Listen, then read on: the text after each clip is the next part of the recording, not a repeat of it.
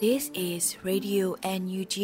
the voice of National Unity Government of Myanmar, broadcasting for Myanmar's Spring Revolution. Radio NUG is transmitting from shortwave 16 meter 17.79 megahertz at 8:30 a.m. and 25 meter 11.94 megahertz at 8:30 p.m. Myanmar Standard Time. မင်္ဂလာပါရှင်အမျိုးသားညီညွတ်ရေးအစိုးရရဲ့အတန်လွတ်ဌာန Radio NUG ကိုမန္တပိုင်း၈နိုင်ခွဲမှာလိုင်းတူ6မီတာ19.3ခွန်ကုန်းမဂါဟတ်စ်နဲ့ညပိုင်း၈နိုင်ခွဲမှာလိုင်းတူ25မီတာ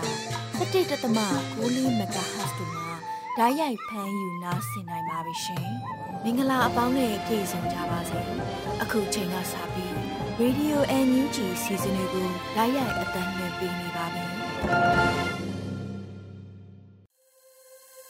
မြန်မာနိုင်ငံသူနိုင်ငံသားအပေါင်းတဘာဝပြီးစစ်အာဏာရှင်ဗီတို့ကနေကင်ဝေးပြီးဘေးကင်းလုံခြုံကျန်းမာကြပါစေလို့ Radio UNG အဖွဲ့သားများကဆုတောင်းမေတ္တာပို့သလိုက်ရပါတယ်ရှင်ပထမဆုံးအနေနဲ့ကာကွယ်ရေးဝန်ကြီးဌာနရဲ့စစ်ရေးသတင်းအကျဉ်းချုပ်ကိုမောင်ကျူးမှတင်ပြပေးမှာဖြစ်ပါတယ်ရှင် အမျိုးသားညီညွတ်ရေးအစိုးရကာကွယ်ရေးဝန်ကြီးဌာနကထုတ်ပြန်တဲ့နိုင်စဉ်စီးသတင်းချင်းချုပ်များကိုတင်ပြပါတော့မယ်ခင်ဗျာနိုင်စဉ်စီးသတင်းချင်းချုပ်ရာစစ်ကောင်စီတပ်သား56ဦးသေဆုံးပြီး39ဦးထိခိုက်ဒဏ်ရာရရှိကြောင်းသိရှိရပါတယ်စစ်ကောင်စီနဲ့တိုက်ပွဲပြင်းမှုသတင်းများကိုပထမဦးစွာတင်ပြပါမယ်ခင်ဗျာဝန်ကြီးနယ်မှာ2022ခုနှစ်အောက်တိုဘာလ4ရက်နေ့မနက်7:00နာရီခန့်ကတန်ဖြူစရမြို့နယ်တန်ဖြူစရမြို့ကရင်းမြို့နယ်ဘက်ကိုမောင်းနေလာတဲ့စစ်ကောင်စီတပ်သားများလိုက်ပါလာတဲ့ဖော်ကားနှစ်စီးနဲ့အင်စီကားတစ်စီးကို အောင်သာရွာနဲ့ကဖော့ကနေကျေးရွာကြားမှာ 1GF အဖွဲ့နဲ့မဟာမိတ်အဖွဲ့များကပြစ်ခတ်တိုက်ခိုက်ခဲ့ရာစစ်ကောင်စီတပ်သား6ဦးခန့်သေဆုံးပြီးအများပြားထိခိုက်ဒဏ်ရာရရှိခဲ့ပါတယ်။ဒီဒီတိုက်ပွဲမှာပြည်သူ့ကာကွယ်ရေးတပ်သားတအုပ်လက်ထိခိုက်ဒဏ်ရာရရှိကြောင်းသိရှိရပါတယ်ခင်ဗျာ။ချင်းပြည်နယ်မှာ2022ခုနှစ်ဩဂုတ်လ4ရက်နေ့မနက်10:00နာရီခန့်ကဟာခါမြို့နယ်ဟာခါမြို့ကမတူပီဘက်တောရလမ်းမှာရှိတဲ့ကျော်ပုတ်စစ်စေးရေးဂိတ်ကို CDF ဟာခါကတောရတိုက်ခိုက်ခဲ့ရာစစ်ကောင်စီတပ်သားတအုပ်သေဆုံးပြီး3ဦးထိခိုက်ဒဏ်ရာရရှိကြောင်းသိရှိရပါတယ်။ အခုလာလေးရက်နေ့ကဟာခါမြို့နယ်ဟာခါထန်တနန်ကြားရှိတစ်မြစ်ချောင်းအနီးမှာစကန်ချဖို့ပြင်ဆင်နေတဲ့စစ်ကောင်စီတပ်ဖွဲ့ကို CDF ပူးပေါင်းတပ်ကတော့ရောက်တိုက်ခိုက်ခဲ့ရာစစ်ကောင်စီတပ်သား၈ဦးသေဆုံးခဲ့ကြောင်းသိရှိရပါတယ်။စကိုင်းတိုင်းမှာ2022ခုနှစ်ဩဂုတ်လ9ရက်နေ့နေ့လယ်3:30မိနစ်ခန့်ကကလေးမြို့နယ်ရန်ကြီးအောင်ကျေးရွာအနီးမှာစစ်ကောင်စီတပ်သား80ခန့် CDF KKG ပြည်သူ့ကာကွယ်ရေးတပ်မတော်ကလေးခရိုင်တပ်ရင်း1ပြည်သူ့ကာကွယ်ရေးဖွဲ့ကလေးတို့ကမိုင်းဆွဲတက်ခတ်ခဲ့ရာစစ်ကောင်စီတပ်သား15ဦးသေဆုံးခဲ့ပါတယ်။ ဩဂုတ်လ9ရက်နေ့ကကလေးမြို့နယ်တာယာကုန်းကျေးရွာအနီးမှာစစ်ကောင်စီစနိုက်ပါတပ်သား2ဦးကိုပြည်သူ့ကာကွယ်ရေးတပ်မတော်ကလေးခရိုင်တပ်ရင်းနဲ့ပြည်သူ့ကာကွယ်ရေးဖွဲ့ကလေးတို့ကစနိုက်ပါဖြင့်ပစ်ခတ်တိုက်ခိုက်ခဲ့ရာစစ်ကောင်စီစနိုက်ပါတပ်သား2ဦးသေဆုံးခဲ့ပါတယ်။ဩဂုတ်လ9ရက်နေ့ညနေ4:20မိနစ်ခန့်ကကလေးမြို့နယ်ခုံသာကျေးရွာနီမှာစစ်ကောင်စီတပ်သား30ဦးကိုပြည်သူ့ကာကွယ်ရေးအဖွဲ့ကလေးနဲ့ UGF ဖွဲ့ကပစ်ခတ်တိုက်ခိုက်ခဲ့ပြီးမိုင်းဆွဲတိုက်ခိုက်ခဲ့ရာစစ်ကောင်စီတပ်သား12ဦးသေဆုံးခဲ့ပါတယ်။ဩဂုတ်လ4ရက်နေ့ကက လေးမျိုးနဲ့ကလေးမျိုးစစ်ကောင်စီကေစကန်3ခုနဲ့ကင်းစကန်2နေရာကိုပြည်သူ့ကာကွယ်ရေးဖွဲ့ကလေးနဲ့ UG အဖွဲ့တို့ကမိုင်းမုံများနဲ့ပစ်ခတ်တိုက်ခိုက်ခဲ့ရာစစ်ကောင်စီတပ်သား9ဦးသေဆုံးပြီး4ဦးထိခိုက်ဒဏ်ရာရရှိခဲ့ပါတယ်။အခုလာ၄ရက်နေ့ကကလေးမျိုးနဲ့ကလေးမျိုးကမြောက်ပိုင်းဘက်ကိုသွားတဲ့စစ်ကောင်စီတပ်သား150ခန့်မှာဖော်ကား3စီးကိုပြည်သူ့ကာကွယ်ရေးဖွဲ့ကလေးနဲ့ UGF အဖွဲ့တို့ကမိုင်းဆွဲတိုက်ခိုက်ခဲ့ပါတယ်။အခုလာ2ရက်နေ့နေ့လယ်တနာရီ30မိနစ်ခန့်ကခိုင်းလူကထွက်ခွာလာတဲ့ ကား32စီးပါစစ်ကောင်စီရင်တန်းကိုမြင်းမှုမြို့နယ်ဝမ်ပစ်ကျေးရွာနဲ့အလကပ်ပကျေးရွာကြားမှာတစ်ကြိမ်နေ့လယ်2နာရီမှာမြင်းမှုမြို့နယ်ဝမ်ပစ်ကျေးရွာကြားမှာတစ်ကြိမ်နေ့လယ်2နာရီ49မိနစ်ခန့်မှာအလကပ်ပကျေးရွာနဲ့ဘုံမင်းကြီးကင်းကျေးရွာကြားမှာ2ကြိမ်စုစုပေါင်း4ကြိမ်တိတိ Black Eagle Defense Force MMU မြင်းမှုလင်းယုံတဲ့ကာကွယ်ရေးဖွဲ့ People Defense Force မြင်းမှု MMU PDF မြင်းမှု Saber Revolution Force CRF မြင်းမှု မြင်းမှု Lightning Guerrilla Force မြင်းမှုလျှက်စီးပြောက်ကြားအဖွဲ့ညောင်မြို့နယ်ပြည်သူ့ကာကွယ်ရေးနဲ့လုံခြုံရေးဖွဲ့ CDSOM စတဲ့မဟာမိတ်ပူးပေါင်းတပ်များကမိုင်းဆွဲတက်ခတ်ခဲ့ရာကားတစ်စီးပျက်စီးခဲ့ပြီး၎င်းကားကိုအခြားကားတစ်စီးနဲ့ဆွဲယူသွားခဲ့ပါတယ်။မိုင်းဆွဲတက်ခတ်မှုများကြောင့်စစ်ကောင်စီတပ်သား9ဦးသေဆုံးက30ဦးခန့်ဒဏ်ရာရရှိကြောင်းသိရှိရပါတယ်။ရန်ကုန်တိုင်းမှာ2022ခုနှစ်ဩဂုတ်လ4ရက်နေ့ည7:00နာရီခန့်ကမြောက်ကလာပါမြို့နယ်ရွှေပောက်ကန်နယ်မြေရဲစခန်းကို Generation 1 Guerrilla G1G အဖွဲ့နဲ့မဟာမိတ်ရင်းမခ Special Force တို့ပူးပေါင်းပြီးလက်ပစ်ဖုံးတဲ့ပြစ်ခတ်တက်ခတ်ခဲ့ကြောင်းသိရှိရပါတယ်ခင်ဗျာစစ်ကောင်စီကကျွလွန်တဲ့ရာဇဝမှုများကြောင့်ကိုဆက်လက်တင်ပြပါမယ်ခင်ဗျာ။ခိုင်ပြည်နယ်မှာ2022ခုနှစ်ဩဂုတ်လ4ရက်နေ့ည9:00နာရီခန့်ကစစ်တွေမြို့နယ်မင်းကန်ရက်ကွက်အကွက်ရှိကဥမောင်ရွှေသိန်း43နှစ်အဖဥမောင်သိန်းနဲ့မောင်ဖြိုးဝီဆို16နှစ်အဖဥရွှေသိန်းမင်းကန်ရက်ကွက်အကွက်ခွန်ကမောင်မျိုးဦး24နှစ်အဖဥမောင်ထွန်းတို့ စစ်တွေမြို့ရှိခမ်းမရ290တရင်ကစစ်ကောင်စီတပ်သားများကတနက်မြပြဖောက်ကလာရောက်ဖမ်းဆီးသွားကြောင်းသိရှိရပါတယ်။မွန်ပြည်နယ်မှာ2022ခုနှစ်ဩဂုတ်လ9ရက်နေ့ကရင်းမြို့နယ်လမိုင်းမြို့ကန်ပရဟိတသမားမင်းလင်းအောင်နဲ့ကိုအောင်ခန့်ဟိန်ပါဝင်ခောစာမြို့မှာမလုံငယ်တူမှုတော်မြို့မှာမလုံငယ်တူချောင်းတောင်ကျေးရွာရှိစိတ်ကျမ်းမာရေးမကောင်းမှုတို့မလုံငယ်တူစုစုပေါင်း9ဦးကိုစစ်ကောင်စီတပ်သားများကတပ်ဖြတ်ခဲ့ပါတယ်။ဩဂုတ်လ4ရက်နေ့ကဘင်းလင်းမြို့နယ် KNU တပ်မဟာ1နယ်မြေ ဘင်းလင်းမြို့ဝန်တာပန်ကျေးရွာရှိပြည်သူများကိုကျမ်းပတ်စစ်ကောင်စီတပ်ဖွဲ့ဝင်များက၎င်းတို့စစ်ကြောင်းထုမဲ့နေရမြောင်ချင်းလူသားတိုင်းပြဖန်ဆီးခေါ်ဆောင်သွားခဲ့ပါတယ်။စကိုင်းတိုင်းမှာ2022ခုနှစ်ဩဂုတ်လ9ရက်နေ့နေ့လယ်2:25မိနစ်ခန့်ကဝက်လက်မြို့နယ်မူကန်လေးကျေးရွာကိုစစ်ကောင်စီတပ်သားများဝင်ရောက်ခဲ့ပြီးနေများကိုမိရှုဖျက်ဆီးခဲ့ကနေ့လယ်3:40မိနစ်ခန့်ကဆွဲခွေကျေးရွာကိုရောက်ခဲ့ပြီးပြည်သူတိုင်းပစ္စည်းများကိုမတရားလူယူသွားခဲ့ပါတယ်။တနင်္သာရီတိုင်းမှာတော့2022ခုနှစ်ဩဂုတ်လ9ရက်နေ့မနက်ပိုင်းက တဝဲမြို့နယ်တဝဲမြို့ဘုံမော်ရက်ကောက်ကအသက်50ရွယ်ဦးစိုးမြင့်ရဲ့ဂျုံလောင်းကိုတဝဲမြို့နယ်စဟာကျေးရွာနီရန်ကုန်တဝဲကားလမ်းပေါ်မှာဒေသခံများကတွေ့ရှိခဲ့ပါတယ်။ဦးစိုးမြင့်ကိုစစ်ကောင်စီတပ်သားများကဩဂုတ်လ4ရက်နေ့ည10:00နာရီခန့်ကဖမ်းဆီးခဲ့ပြီးတပ်ဖြတ်ခဲ့ခြင်းဖြစ်ပါတယ်။ဒီခုတင်ပြခဲ့တဲ့နေ့စဉ်စီးသတင်းကြီးတို့ကိုဒီပြင်သတင်းတာဝန်ခံများနဲ့သတင်းဌာနများကဖော်ပြထားတဲ့အချက်များပေါ်အခြေခံပြုစုထားတာဖြစ်ပါတယ်နော်။ကျွန်တော်မောင်ကျူပါ။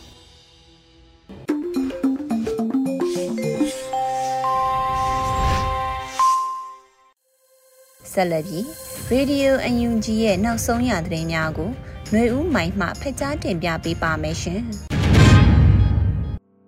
မင်္ဂလာပါရှင်။အခုချိန်ကစပြီး Radio UNG မနက်ခင်းသတင်းများကိုဖတ်ကြားပေးပါရမယ်။ကျွန်မຫນွေဦးမိုင်ပါပြည်သူ့လုံခြုံရေးနဲ့ကာကွယ်ရေးကောင်စီဥက္ကဋ္ဌယာယီသမရဒူဝါလရှိလာကကာကွယ်ရေးဝန်ကြီးကိုစစ်တရားရုံးချုပ်နဲ့အချင်းစစ်တရားရုံးချုပ်ဖွဲ့စည်းခွင့်အာဏာအနှင်းလိုက်တဲ့သတင်းကိုဦးစွာတင်ပြပေးပါမယ်။ ပြည်သူ့လုံခြုံရေးနဲ့ကာကွယ်ရေးကောင်စီဥက္ကဋ္ဌယာယီသမရဒူဝါလရှိလာကကာကွယ်ရေးဝန်ကြီးကိုစစ်တရားရုံးချုပ်နဲ့အချင်းစစ်တရားရုံးချုပ်ဖွဲ့စည်းခွင့်အာဏာအနှင်းလိုက်ပါတယ်။ဩဂတ်စ်လ9ရက်မှာကြေညာချက်အမှတ်1မြင်းဆောင်2022နဲ့ပြည်သူ့လုံခြုံရေးနဲ့ကာကွယ်ရေးကောင်စီဥက္ကဋ္ဌ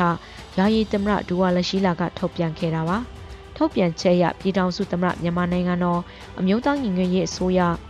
ပြည်သူ့လုံခြုံရေးနဲ့ကာကွယ်ရေးကောင်စီ၏ ဇူလိုင်လ30ရက်နေ့တွင်ကျင်းပသောအစည်းအဝေးဆုံးဖြတ်ချက်အရကာကွယ်ရေးဝန်ကြီးဌာနပြည်ထောင်စုဝန်ကြီးထံစစ်တရားရုံးချုပ်နှင့်အကျဉ်းစစ်တရားရုံးချုပ်ဖွဲ့စည်းခွင့်အာဏာကိုအနှင်းလိုက်တယ်လို့ဖော်ပြပါရှိပါတယ်။ကာကွယ်ရေးဝန်ကြီးဌာနပြည်ထောင်စုဝန်ကြီးဟာအဆိုပါစစ်တရားရုံးချုပ်နဲ့အကျဉ်းစစ်တရားရုံးချုပ်ဖွဲ့စည်းခွင့်အာဏာကိုအရာရှိတအူအူတို့အမိန့်စာဖြင့်လွှဲအပ်နိုင်တယ်လို့ဆိုထားပါတယ်ရှင်။ ဆက်လက်ပြီးပြည်သူတွေညီငွတ်မှုနဲ့နှွေဦးတော်လှန်ရေးကကျင်းတီပေါက်နိုင်မှလို့ပြည်ထောင်ဝင်ကြီးဦးလုံကိုလက်ပြောကြားတဲ့သတင်းကိုတင်ပြပေးပါမယ်။ပြည်သူတွေညီငွတ်မှုနဲ့နှွေဦးတော်လှန်ရေးကကျင်းတီပေါက်နိုင်မှလို့ပြည်ထောင်ဝင်ကြီးဦးလုံကိုလက်ကပြောကြားလိုက်ပါတယ်။ပြည်သူလူထုသိချင်သည်များ UNG အစိုးရဖြေကြားတဲ့အစီအစဉ်မှာပြည်ထောင်ရေးဝန်ကြီးဦးလုံကိုလက်ကပြောပါရယ်ကျွန်တော်တို့နိုင်မှာ ဘာဖြစ်လို့လဲဆိုတော့ကျွန်တော်တို့ပြည်သူတွေဟာဘယ်တော့မှမတူတဲ့ညီငယ်မှုကရှိနေပြီးတော်လှန်ရေးကတော်တော်ကြီးကိုရင့်ကျက်နေပြီလို့ဝန်ကြီးကဆိုပါတယ်။ပြည်သူလူထုညီညွတ်မှုဟာတနိုင်ငံလုံးအတန်တိတ်တပိတ်ဆင်နွှဲမှုအပါအဝင်ပြည်သူအဋ္ဌာပြုံမှုများမှာတွေ့မြင်နိုင်ကြောင်းစိုးပေါင်းညီညွတ်မှုမျိုးဟာဘယ်တော့မှမရှိခဲ့ကြောင်းဝန်ကြီးကထပ်လောင်းပြောကြားခဲ့ပါတယ်ရှင်။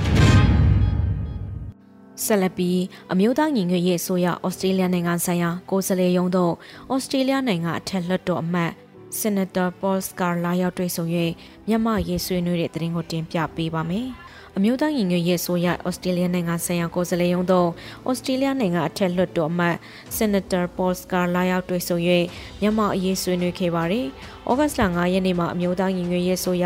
ဩစတြေးလျနိုင်ငံဆိုင်ရာကိုယ်စားလှယ်ရုံးကသတင်းထုတ်ပြန်ပါတယ်။အမျိုးသားညီညွတ်ရေးအစိုးရဩ စတြေးလျနိုင်ငံဆိုင်ရာကိုယ်စားလှယ်ရုံးသို့ဩစတြေးလျနိုင်ငံအထက်လွှတ်တော်မှဆီနက်တာပေါစကာလာရောက်ခဲ့ပြီးမြမအရေးအတွက်လွှတ်တော်အတွင်း၎င်းကူညီပေးနိုင်သည့်ကိစ္စရပ်များအတွက်ယင်းဤပွင့်လင်းစွာဆွေးနွေးခဲ့ကြပါတယ်။နှစ်ဖက်ဆွေးနွေးခဲ့ကြရမှာဒုက္ခသည်များအရေးလူသားချင်းစာနာထောက်ထားမှုဆိုင်ရာအကူအညီအထောက်ပံ့ပေးကိစ္စများစစ်အုပ်စုကရသားများအပေါ်ကျူးလွန်ထားသည့်စစ်ရာဇဝတ်မှုများလူသားမျိုးနွယ်အပေါ်ကျူးလွန်ထားသည့်ရာဇဝတ်မှုများအရေး ဩစတြေးလျနိုင်ငံရောက်မြန်မာနိုင်ငံသားများရင်ဆိုင်နေရသည့်နိုင်ငံကူးလက်မှတ်ဆိုင်ရာခက်ခဲများနဲ့ပတ်သက်ပြီးဆွေးနွေးခဲ့ကြပါရရှင်။ဆက်လက်ပြီးစစ်ကောင်စီကနိုမာလာထီတိုးတက်ပြောင်းလဲမှုမရှိပါကအာဆီယံနိုင်ငံများကဆုံးဖြတ်ချက်သစ်တွေထပ်မံလာမယ်လို့သတိပေးတဲ့သတင်းကိုတင်ပြပေးပါမယ်။စစ်ကောင်စီကနိုမာလာထီတိုးတက်ပြောင်းလဲမှုမရှိပါကအာဆီယံနိုင်ငံများကဆုံးဖြတ်ချက်သစ်တွေထပ်မံလာမယ်လို့သတိပေးလိုက်ပါတယ်။ ဖနွမ်းပင်မြို့မှာကျင်းပတဲ့အာဆီယံနိုင်ငံခြားရေးဝန်ကြီးများတွေ့ဆုံဆွေးနွေးပွဲမှာအဖွဲ့ဝင်နိုင်ငံများကတင်ငင်တွေ့တွေ့ဆုံဖြတ်ခဲ့ကြပါတယ်။အာဆီယံဘုံသဘောတူညီချက်၅ချက်ကိုတည်တာထင်ရှားတဲ့အကောင့်ထဲပေါ်မှုကိုစီဝေးမှာအဖွဲ့ဝင်နိုင်ငံတွေကတိုက်တွန်းထားပါတယ်။အဆိုပါလှုပ်ဆောင်ချက်တွေကိုတည်တာထင်ရှားစွာမလုပ်ခဲ့ဘူးဆိုရင်တော့နိုမာလာအာဆီယံထိပ်သီးညီလာခံကနေဆုံးဖြတ်ချက်အသစ်တွေထပ်မံလာမယ်လို့သိရရှိပါရတယ်။ ဒါ့ပြင်အာဆီယံအထူးတန်တမန်အနေနဲ့မြန်မာဒီမိုကရေစီရေးမှာပါဝင်ပတ်သက်တဲ့အဖွဲ့အစည်းအလုံးနဲ့အမြန်ဆုံးထိစပ်ဆွေးနွေးဖို့ကိုလည်းနိုင်ငံခြားရေးဝန်ကြီးများဆွေးနွေးပွဲကသဘောတူဆုံးဖြတ်ပါတယ်ရှင်။ဆက်လက်ပြီးအလုတ်သမားဥပဒေဆိုင်ရာပြဋ္ဌာန်းချက်များအားလေ့လာနိုင်ရန်အလုတ်သမားဥပဒေ website Labor Law Portal အားစတင်ထုတ်လွှင့်တဲ့သတင်းကိုတင်ပြပေးပါမယ်။အလုတ်သမားဥပဒေဆိုင်ရာပြဋ္ဌာန်းချက်များအားလေ့လာနိုင်ရန်အလုတ်သမား website Labor Law Portal အားစတင်ထုတ်လွှင့်လိုက်ပါတယ်။အလုတ်သမားဝင်ကြီးဌာနအမျိုးသားညီညွတ်ရေးဆိုမှစီစဉ်ဆောင်ရွက်ထားသည့်အလုတ်သမားဥပဒေ website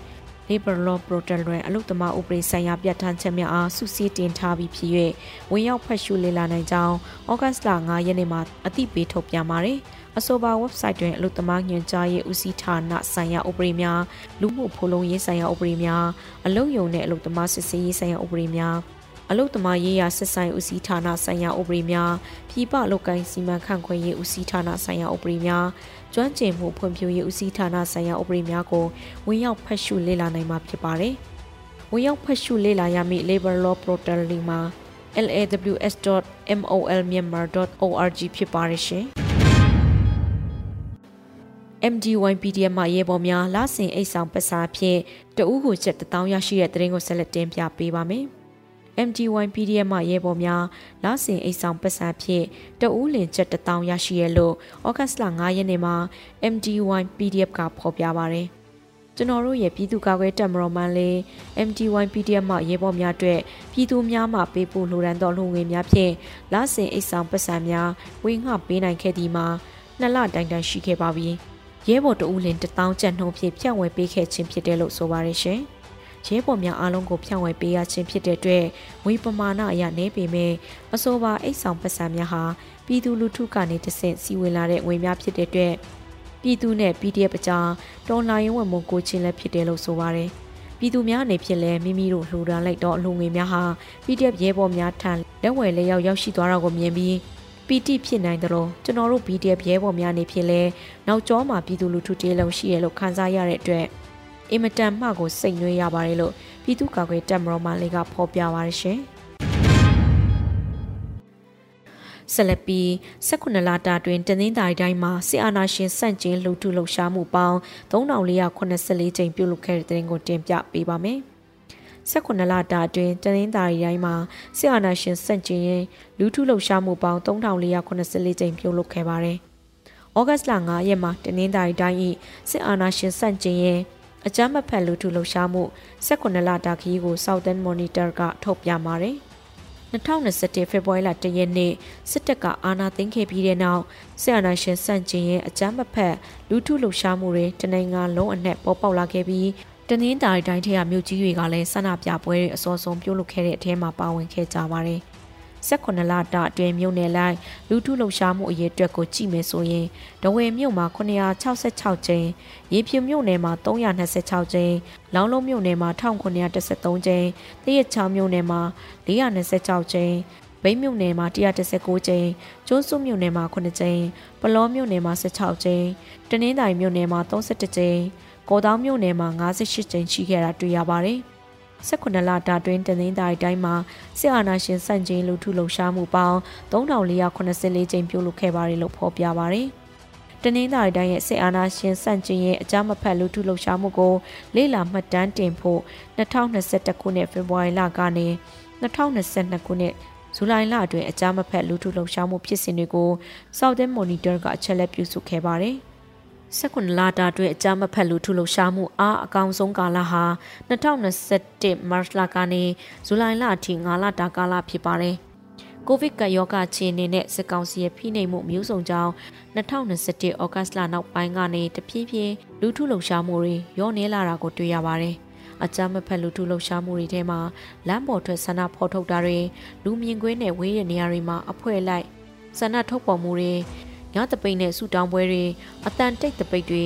တန်ပုံးတီးတပိတ်ပိုစတာများသင်္ကေတများစိုင်းပုံများအသုံးပြုပြီးဆန္ဒထုတ်ဖော်တာတွေနဲ့ online campaign တွေပါဝင်ပါတယ်ရှင်။တဝေမြို့ဘုံဘောရက်ွက်နေအရက်သားတအူကိုညအချိန်မတော်စက်ကောင်စီတပ်များလာရောက်ဖမ်းဆီး၍မနေ့ပိုင်းမှာရုပ်အလောင်းကိုရန်ကုန်တဝေကားလမ်းပေါ်ပစ်ထားခဲ့တဲ့တဲ့ကိုဆက်လက်တင်ပြပေးပါမယ်။တဝေမြို့ဘုံဘောရက်ွက်နေအရက်သားတအူကိုညအချိန်မတော် စစ်ကောင်စီတပ်များလာရောက်ဖမ်းဆီး၍မနေ့ပိုင်းမှာရုပ်အလောင်းကိုရန်ကုန်တဝေကားလမ်းပေါ်ပစ်ထားခဲ့ပါတယ်။တနင်္သာရီတိုင်းဒေသကြီးတဝဲမြို့ဘုံမော်ရက်ွက်တွင်နေထိုင်သည့်အရက်သားတအုပ်ဖြစ်သူဦးစိုးမြင့်ကိုအကြမ်းဖက်စစ်အုပ်စု၏တပ်မှဩဂတ်လ၄ရက်နေ့ည10:00နာရီဝန်းကျင်ခန့်အချိန်တွင်စစ်ကောင်စီတပ်များကဖမ်းဆီးသွားခဲ့ပါသည်။ ဩဂတ်လ9ရက်နေ့နနက်စောပိုင်းတွင် ထိုးကျိတ်ချင်းခံထားရတဲ့ဒဏ်ရာများနဲ့နှထင်တွင်တင်းတဲ့ဒဏ်ရာရရှိထားသည့်ဦးစိုးမြင့်ရုံလောင်းကိုဒဝေမြို့နယ်ဇဟာကျေးရွာအနီးရှိရန်ကုန်တဝေကားလမ်းပေါ်၌တွေ့ရှိရကြောင်း AAPP ကဖော်ပြပါရယ်2021ခုနှစ်ဖေဖော်ဝါရီလ1ရက်နေ့မတရားစစ်အာဏာလူမှုဖြစ်စဉ်ကိုစန့်ကျင်ခဲ့ကြသောဒီမိုကရေစီရေလှုပ်ရှားသူများနဲ့ပြည်သူများ၏ຫນွေဦးတော်လှန်ကာလအတွင်းကြာဆုံးခဲ့ရသူစုစုပေါင်းမှာ2158ဦးရှိခဲ့ပြီဖြစ်ပါတယ်ရှင်။ ဆက်လက်ပြီးစိတ်ဖြူစောလမ်းပိုင်းကိုနနက်6နိုင်မှညနေ9နာရီအတွင်းသာဖျက်တမ်းသွားလံခွင့်ပြုမှဖြစ်ပြီးအလုံးပိတ်ကားများဖျက်တမ်းခွင့်မပြုတဲ့တရင်ကိုတင်ပြပေးပါမယ်။စိတ်ဖြူစောလမ်းပိုင်းကိုနနက်6နိုင်မှညနေ9နာရီအတွင်းသာဖျက်တမ်းသွားလံခွင့်ပြုမှဖြစ်ပြီးအလုံးပိတ်ကားများဖျက်တမ်းခွင့်မပြုဘူးလို့ဆိုပါတယ်။။ဩဂတ်စ်လ9ရက်နေ့မှာစိတ်ဖြူပါမတီတပ်ဖွဲ့မှမိဘပြည်သူများအားအသိပေးထုတ်ပြန်ခဲ့ပါတယ်။ စိတ်ဖြူမာမတီပြည်သူ့ကာကွယ်တပ်ဖွဲ့မှမိဘပြည်သူများအားစိတ်ဖြူစောလန်းပိုင်းကိုနနက်6နာရီမှညနေ9နာရီတွင်သာဖျက်တမ်းသွားလာခွင့်ပြုမှဖြစ်ပြီးတော့ဖျက်တမ်းသွားလာရရင်လည်းစီပေါက်စာကားများမိုးကလုံးပိတ်အုံမှုထားသောကားများအားလုံးဝဖျက်တမ်းခွင့်ပြုမည်မဟုတ်ဘူးလို့ဆိုပါတယ်။စစ်ကောင်စီတပ်များဟာမြို့များမှာအင်အားဖြစ်တီးရတဲ့လမ်းပိုင်းဆိုင်ရာဖျက်ဆီးသွားရအတွက်အိမ်စီးကားများနဲ့အလုံးပိတ်ကုန်တင်ကားများကိုအသုံးပြုလက်ရှိနေပါရရှင်။ ဆက်လက်ပြီးစစ်ကောင်စီတပ်တပ်မ44လက်အောက်ခံခမရနှစ်မှတပ်သားလေးဦးဟာ KNU ထအလင်းဝင်ခိုလုံတဲ့တရင်ကိုတင်ပြပေးပါမယ်။စစ်ကောင်စီတပ်တပ်မ44လက်အောက်ခံခမရနှစ်မှတပ်သားလေးဦးဟာ KNU ထအလင်းဝင်ခိုလုံခဲ့ပါတယ်။ဩဂတ်လ9ရက်နေ့မှာကိုရဲမင်း AAC ကအလင်းဝင်တဲ့စစ်ကောင်စီတပ်သားများအကြောင်းကိုပြောပါတယ်။ မြောက်ဝရီမြောက်တောင်ဖက်ဝင်းလေလန်းသုံးထက်ကွေအနီးတွင် KNU နဲ့ PDF များကိုတိုက်ခိုက်ရာရောက်ရှိနေသောအကြမ်းဖက်စစ်ကောင်စီတပ်တက်မ44လက်အောက်ခံခမရ2မှတပ်သားလေးဦးဟာ KNU ထံယနေ့9ရက်နေ့ကခိုးလုံလာခဲ့ပါပြီလို့ဆိုပါတယ်။အလင်းဝင်လာတဲ့စစ်ကောင်စီတပ်များကိုကျွေးမွေးစောင့်ရှောက်ထားပြီးကောင်းမွန်စွာထားရှိထားရလို့သိရရှိပါရရှင်။ ဆက်လက်ပြီးကလေးမြို့မြောက်ပိုင်းရာဇကြိုရွာကိုစစ်ကောင်စီတပ်များမိရှုဖြစ်စီတဲ့တင်ကိုတင်ပြပေးပါမယ်။စကိုင်းတိုင်းကလေးမြို့မြောက်ပိုင်းရာဇကြိုရွာကိုစစ်ကောင်စီတပ်များမိရှုဖြစ်စီခဲ့ကြပါတယ်။ဩဂတ်လ9ရက်နေ့မှာကလေးမြို့မြောက်ပိုင်းရာဇကြိုရွာကိုမွန်းလွဲပိုင်းအချိန်ကစတင်မိရှုခဲ့ပါတယ်။ဩဂတ်လ9ရက်နေ့နေ့လယ်ပိုင်းကလေးမြို့မြောက်ပိုင်းရာဇကြိုရွာကိုစစ်ကောင်စီတပ်တွေကမိရှုသွားပါတယ်လို့ဒေသခံတို့ကဆိုပါတယ်။လက်တလုံးမှာဆုံးရှုံးဖြစ်စီးမှုအခြေအနေကိုမသိရသေးတော့တဲ့ အင်ချေအများပြားမီးလောင်ခဲ့ရလို့သတင်းရရှိပါရရှင်။အခုတင်ပြပေးခဲ့တဲ့သတင်းတွေကိုတော့ Radio UNG သတင်းထောက်မင်းမင်းကပေးပို့ထားတာဖြစ်ပါရရှင်။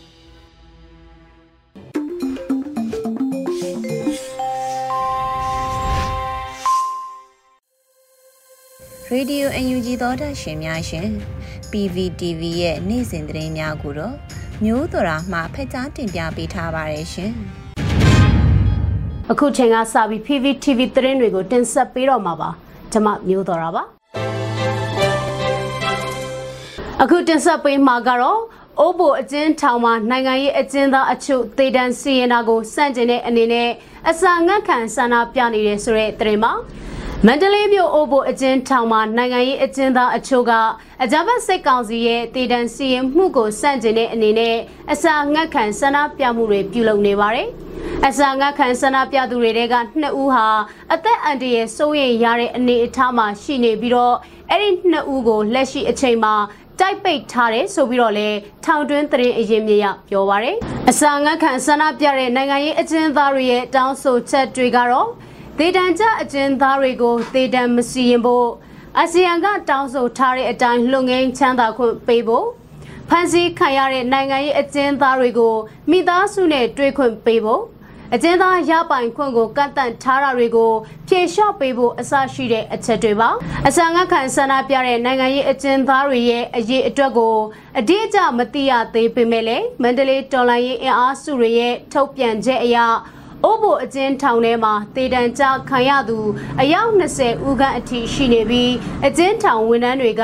ဩဂတ်2ရက်မှာသူတို့ကိုကြမ်းမာရေးစစ်ဆေးတာတွေပြုလုပ်ခဲ့ပါတယ်။ရန်ကုန်အင်းစိန်အကျဉ်းထောင်မှာလည်းຫນွေဦးတော်လိုင်းရေးသူရဲကောင်း၄ဦးကိုအကြမ်းဖက်စစ်ကောင်စီကမတရားတဲ့တေတံစီရင်မှုတွေပြုလုပ်ထားခဲ့ပါတယ်။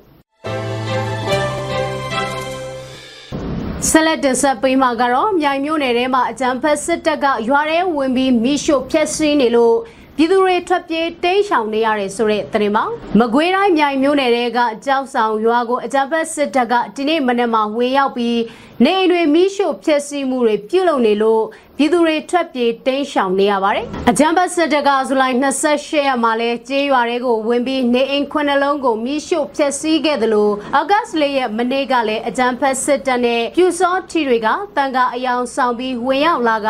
ဒေသခံပြည်သူ28ဦးကိုဖမ်းဆီးမှုတွေပြုလုပ်ခဲ့တယ်လို့မြိုင်မြို့နယ်ပကဖကအတိပေးပြောကြားထားပါတယ်။ဖမ်းဆီးခံထားရတဲ့28ဦးရဲ့အသက်အန္တရာယ်ကိုစိုးရိမ်နေရပြီးအကြမ်းဖက်စစ်တပ်ဘက်ကပြည်သူ့ကာကွယ်ရေးတပ်ဖွဲ့ဝင်တွေကိုမဖော်ထုတ်ရင်တတ်မယ်မိရှုမယ်ဆိုတဲ့ချင်းချောက်မှုတွေပြုလုပ်ထားတယ်လို့လည်းမြိုင်မြို့နယ်ပကဖကသတင်းထုတ်ပြန်ထားပါတယ်။လက်တလောအခြေအနေတွေအရမြိုင်ပကုတ်ကိုကားလန်းကိုပြည်သူတွေအနေနဲ့အသုံးမပြုကြဖို့အတွက် မြိုင်မြို့နယ်ပကဖကအသိပေးထားပါတယ်အခုတကတင်ဆက်ပေးမှာကတော့ထောင်တွင်းနိုင်ခြင်းတွေအတွက်တရားမျှတမှုနဲ့တရားမဲ့တပ်ဖြတ်မှုတွေရပ်တန့်နိုင်ရေးအတွက်နိုင်ငံတကာကိုတောင်းဆိုရေး GMSR နဲ့ GSCB တို့ပူးပေါင်းလှုပ်ဆောင်နေတယ်ဆိုတဲ့သတင်းမှာထောင်အတွင်းကနိုင်ငံရေးအကျဉ်းသားတွေအတွက်တရားမျှတမှုနဲ့ ထောင်အတွင်းတရားမဲ့တပ်ဖြတ်မှုတွေကိုရပ်တန့်နိုင်ရေးအတွက်နိုင်ငံတကာကိုတောင်းဆိုဖို့တပ်ပုံကမ်ပိန်းကို Global Myanmar Spring Revolution GMSR နဲ့ General Strike Coordination Body GSCB တို့ပူးပေါင်းပြီးပြုလုပ်နေပါပြီ။တပ်ပုံကမ်ပိန်းမှာပါဝင်လှုပ်ဆောင်ရမယ့်အချက်တွေကတော့ Justice for Political Prisoner နဲ့ Stop Unjustly Extrajudicial Killings in Prison စာသားတွေနဲ့အတူလက်သုံးချောင်းထောင်သင်္ကေတဖြင့်တပ်ပုံရိုက်တာတိတ်အမဲကိုပတ်ဆက်မှာကပ်ပြီးအပြာရောင်အင်ဂျီတွေဝက်စင်သားတွေကိုလှုပ်ဆောင်ပေးကြဖို့ဖြစ်ပါတယ်။ အဲ့ဒီလိုလှုပ်ဆောင်ပြီးရင် social media တွေဖြစ်တဲ့ Facebook, Twitter အကောင့်တွေမှာတင်ပြီး GMSR Global Myanmar Spring Revolution နဲ့ General Strike Coordination Body GSCB တို့ရဲ့ Facebook page တွေစီကို campaign တပ်ပုံတွေပေးဖို့မှာဖြစ်ပါတယ်။မိမိတို့အကောင့်တွေမှာတင်မယ်ဆိုရင်လည်း hashtag နေရာမှာ justice for political prisoners stop unjustly extrajudicial killings in prison ဆိုတဲ့စာသားတွေအသုံးပြုပြီးတော့ တင်ဖို့အတွက်လည်းတိုက်တွန်းထားပါတယ်။ကျေးဇူးတင်ပါတယ်ရှင်။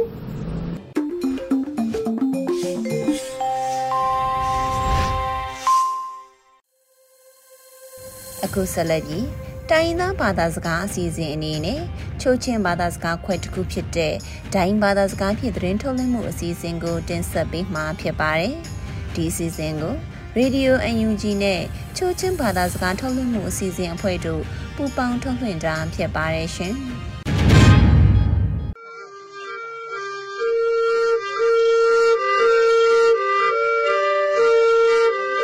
ရေဒီယို NUG ဒိုင်ဘက်ထိုင်လုံနောက်စုံငါကီနောဘဘေနာနိညာယေနာနီတုံငိုင်ခေါကုမ်ထောင်းကနမ်ကိုယန်ဟိမခွိနခါအမ်နပ်ခုခန့်စုမတုံဟုံယကာထငေဆွန်းကေဒိုင်ဆလဟိုင်နောကနိယမ်ထေလောက်ခယကာကီအခစကာ CDF နောဆန်ဟေကောအနိဟွိုင်ဝါယာဆေဆပူနောမင်တမ်လူမာအေ ယာငီပွိကီတျာထံအန်ဟိနာကာခမ်စင်ပူလာဘာကာနောပက်ဆေယံကာခန်းလုံလန်ခွိခိုင်တျာထံအထုမနာကာတူမီချီအထုမဘေကမ်ဆမ်နာအကမ်မထုမဘက်ကီကိုရီးယားကာနောစုတုံရာကီတျာထံအဖုနာကာဩစတြေးလျပါတိဒမ်တာဩစတြေးလျဂရင်းစ်နော NUG ဟင်ပပယာပွိုင်နီတီလူအပန်တျာထံအမ်ဟနာကာဘာစေဆမ်ခေယာက်ဆက်ဘိုင်အမေရိကန်အထက်လွှတ်တော်ရီပဘလီကန်ဝိုင်ခေါင်မစ်မက်ကောလ်နဲနော်ယမ်သက်ကီတျာထံငယ် ညငိုင်ခေကကီနီ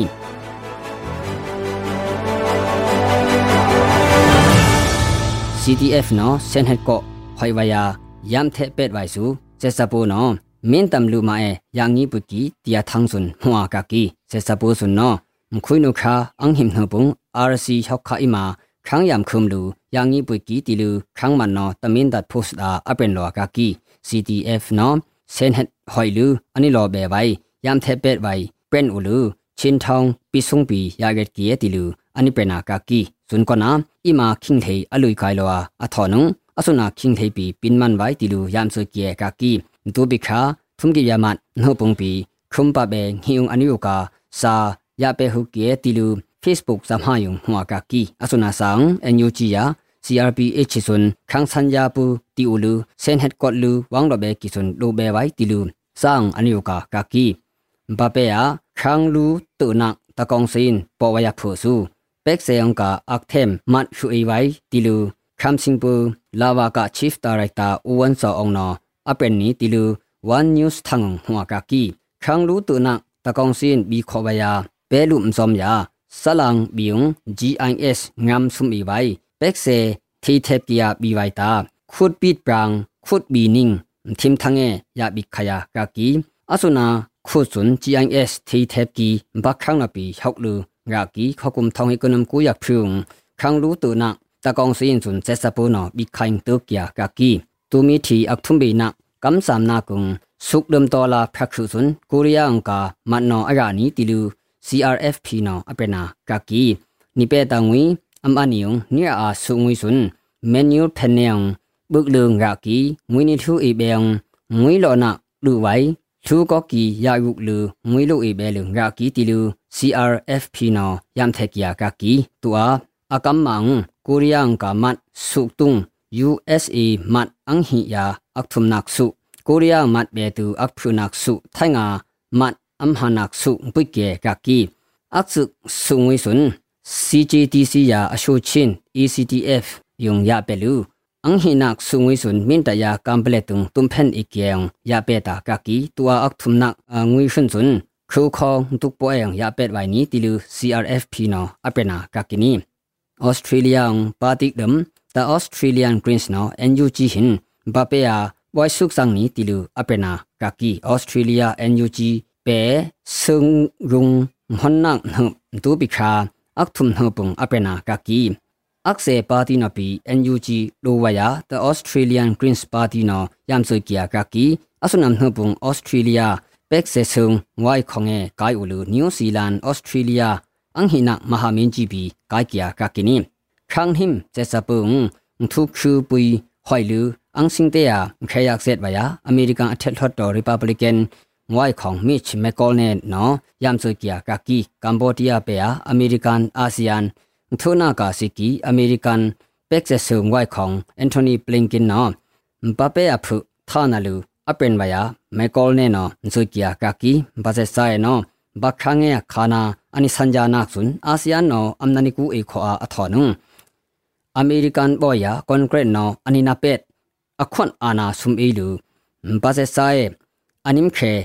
ยากเสร็จไว้เสร็จซาปัวรานะงุยอันิรานะ အေခေါအာအထောနုအမေရိကန်ဘောယာကွန်ကရစ်နောအနိနာပက်အခွန်အာနာဆုမ်အေလူဘာဇက်ဆိုင်အနိမ်ခေယက်ဆက်ဝိုင်ဆက်စပူအာရာနာငွီအနိရာနာယေနန်ယာတန်ဝိပရာကီ MOGE အမ်ခေဆက်ဝိုင်တီလူยามเทกยากากีสุงากีนุบะเบนานิงยาเยนังนี้ลเบตุกีขึ้นสุมลอมหึบตุติยานิงคุมเบตุกอมอู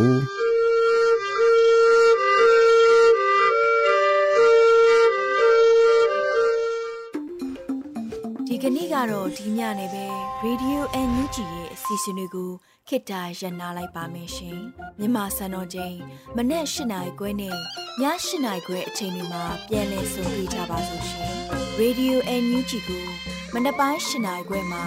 လိုင်းတူ16မီတာ19.7ခု9 MHz နဲ့ညပိုင်း၈နိုင်ခွဲမှာလိုင်းတူ25မီတာ17.6 MHz တို့မှာဓာတ်ရိုက်ဖမ်းယူနားဆင်နိုင်ပါပြီရှင်။